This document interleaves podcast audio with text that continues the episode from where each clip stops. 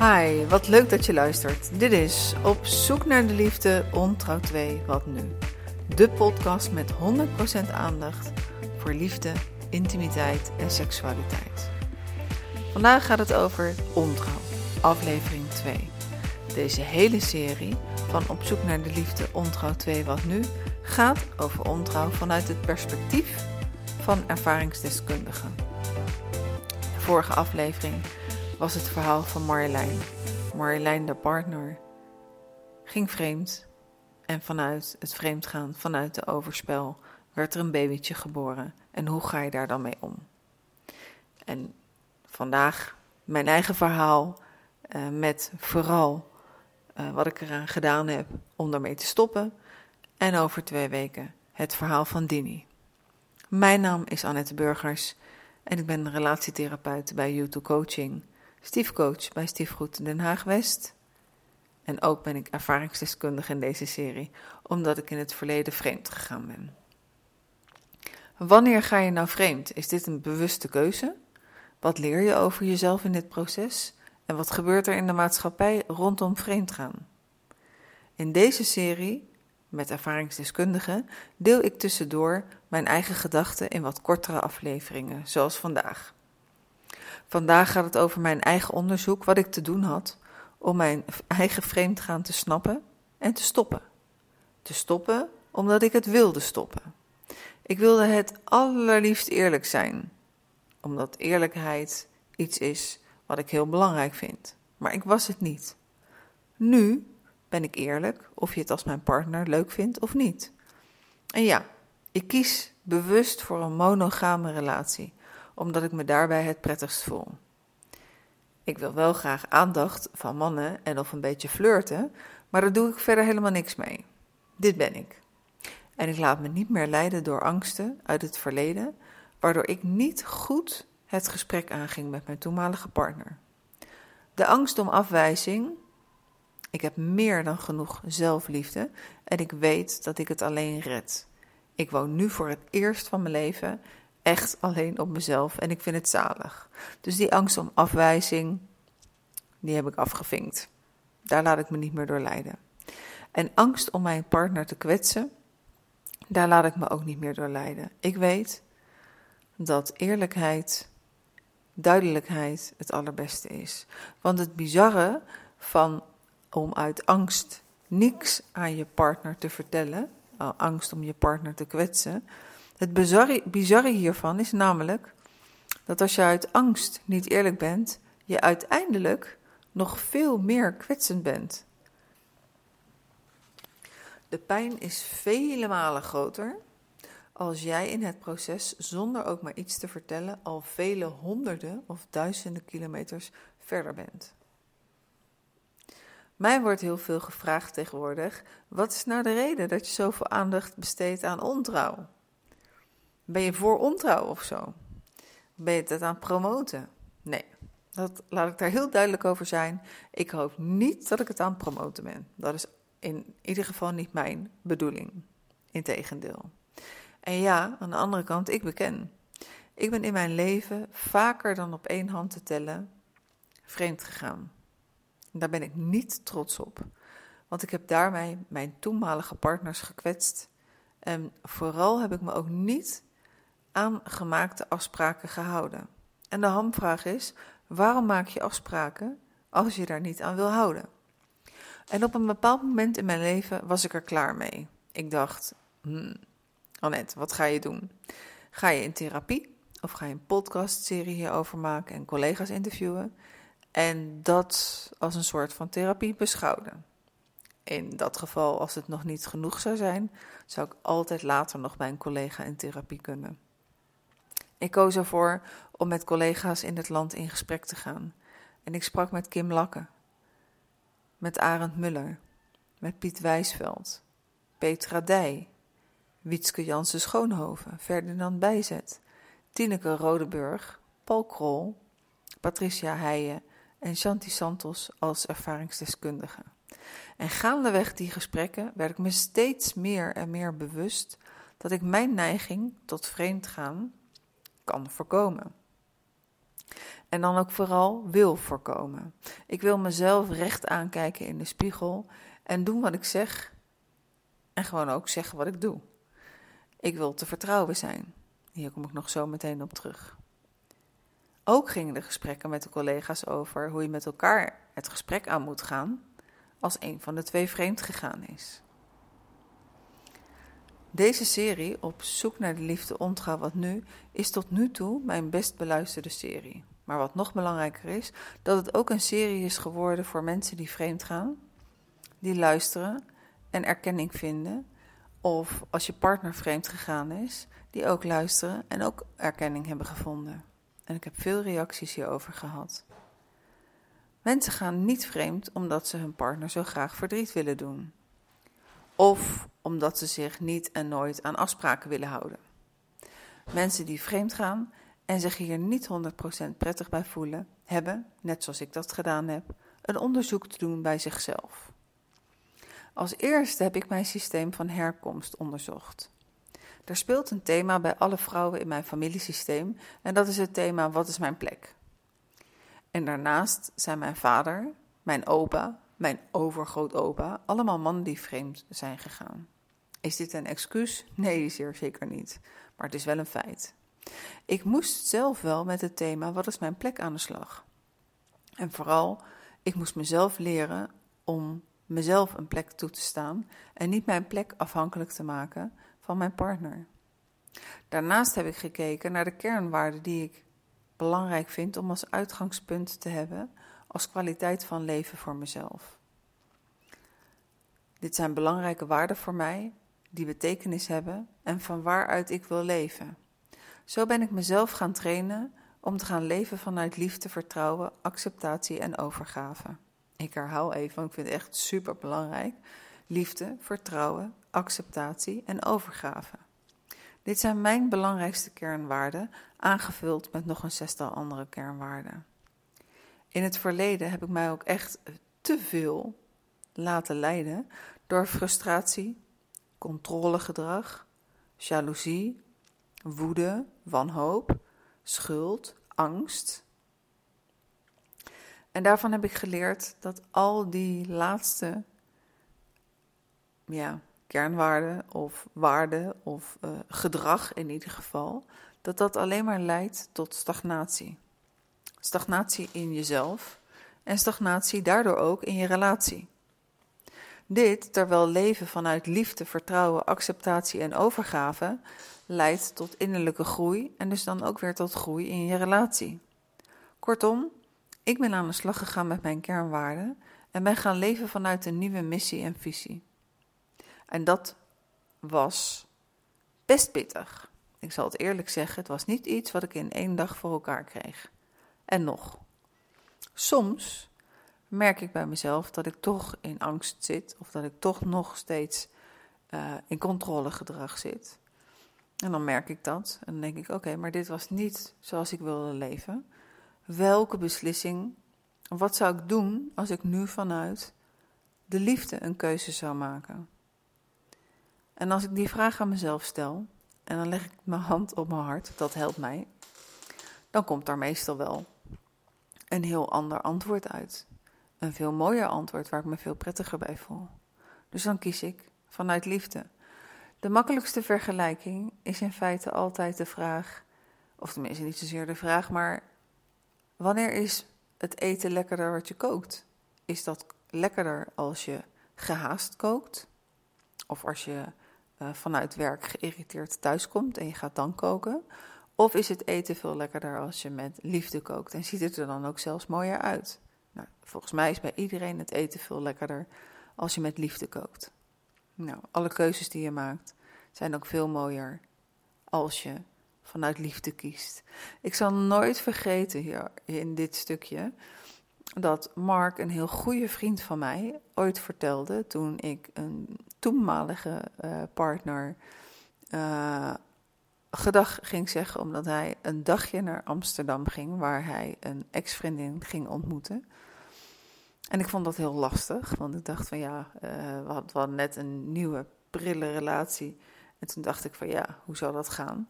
En Mark zei tegen mij, Annette, In feite zou je zijn schoenen moeten poetsen, zijn stropdas moeten strijken en hem met een warm hart een hele mooie dag toewensen. Ik heb nog heel veel aan die woorden gedacht van Mark.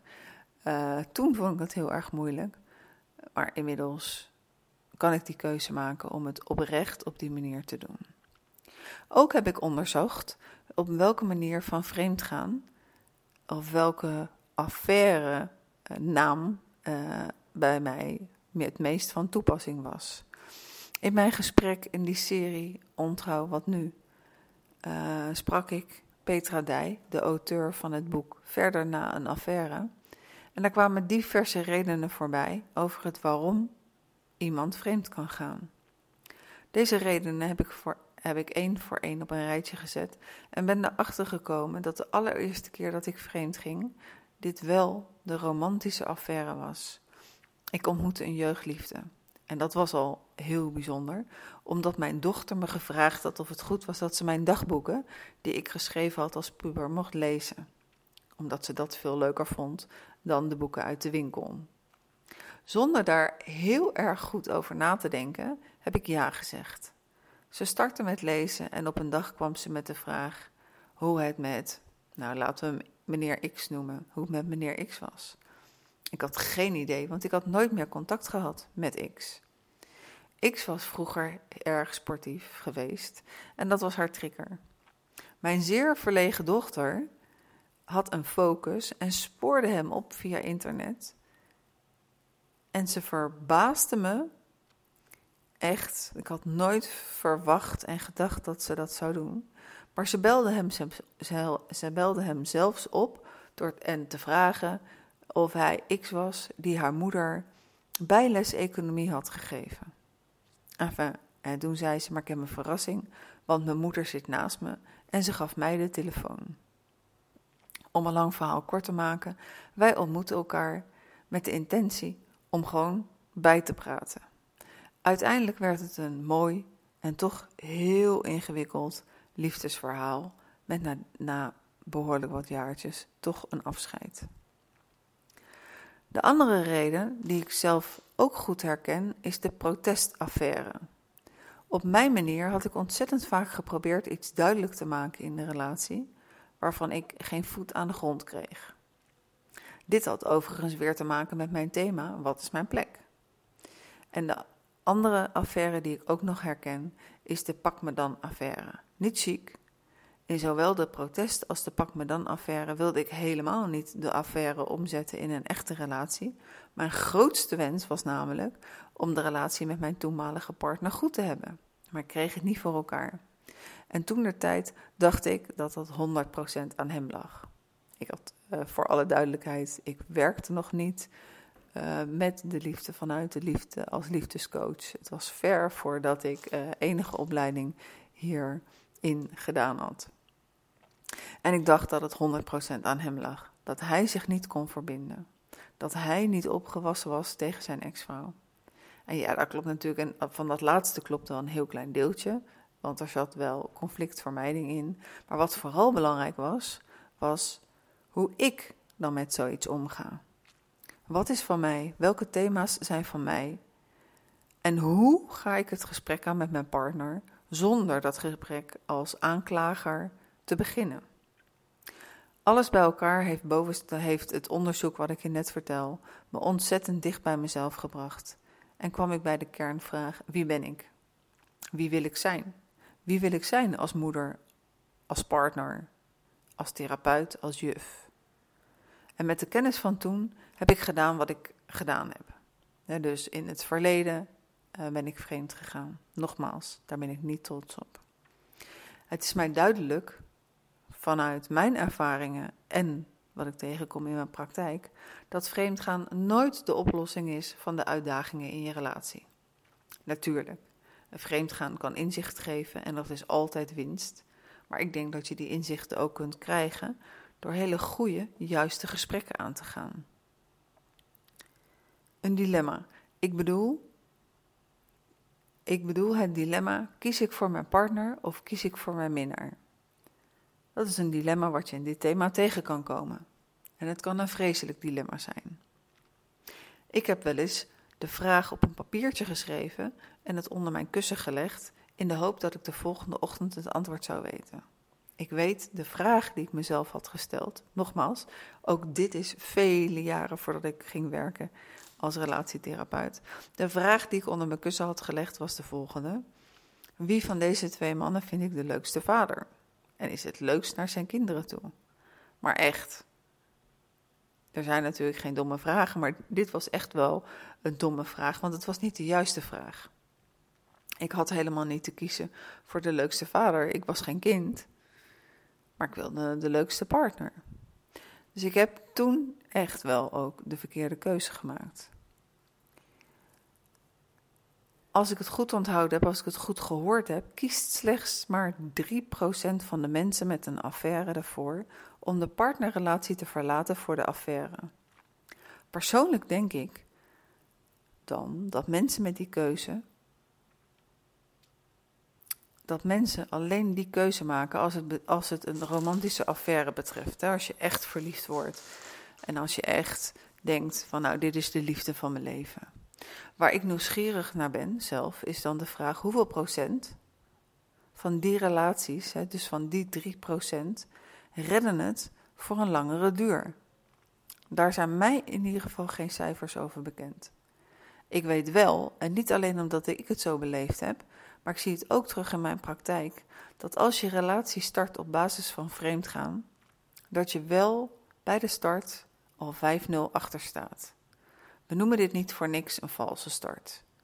Hoe moeilijk is het als je eigen, als je eigen partner geconfronteerd wordt met jouw vreemdgaan en dus ook dat dan de hele familie, vriendengroep en iedereen maar even tussen aanhalingstekens met je mee moet schakelen. Dat is echt bijna niet te doen. En je start in zo'n ongelooflijk negatief energieveld. Dat die hele pure, blije flow van verliefdheid, die roze wolk, ja, dat dat echt uh, als een plumpudding in elkaar kan zakken. Als die lelijke energie van frustratie, rouw en een hoop verdriet jullie tegemoet komt. Dat is geen fijne start. Het is een uitdagende start en het wil niet zeggen dat het gedoemd is te mislukken, maar het is pittig. Ik heb het onderzoek van mijn neiging tot vreemdgaan vertaald in een aantal praktische opdrachten in een e-book, Jezelf op de rit naar vreemdgaan.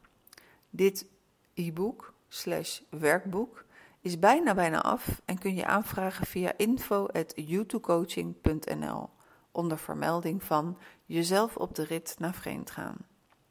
Info at en YouTube spreek je uit als YouTube, maar schrijf je als J-U-T-T-U coaching.nl. Je krijgt hem dan zo spoedig mogelijk in je mailbox. Als het e-book terug is van de redactie. En jij kunt jouw eerste stappen zetten in jouw groeiproces. Wil jij weten wat ik voor jou kan betekenen in een situatie die met ontrouw te maken heeft? Bijvoorbeeld, jij gaat vreemd en je weet niet wat te doen. Of je partner gaat vreemd en jullie willen samen verder. Hoe krijg je het vertrouwen terug? Neem dan contact met me op voor een gratis en geheel vrijblijvend kennismakingsgesprek. Dat kan online of live in Den Haag. Mail dan ook naar info@youtubecoaching onder vermelding van contact of stuur een WhatsApp naar 06 456 22552 onder vermelding van kennismakingsgesprek. Dan neem ik contact met je op en dan plannen we het gesprek in. Misschien schrijf ik trouwens ooit nog wel eens een excuusbrief naar mijn exen. Een echt goed excuus maken is overigens nog niet zo makkelijk, want vertrouwen komt te voet en gaat te paard. En het kost tijd om het vertrouwen terug te winnen. En daarbij een goed excuus maken is echt niet makkelijk. Als jouw partner je excuus niet kan ontvangen, dan kan het zijn dat het of te vroeg is, of dat je excuus echt nog niet goed genoeg is. Het excuus moet echt op hartsniveau gemaakt worden en niet zomaar mooi uitgesproken woorden zijn. Er mag ook nooit een komma en maar achter uh, staan. Als we het hebben over herstel, dan geeft niet de overspelige partner het tempo aan, net zoals in een estafette.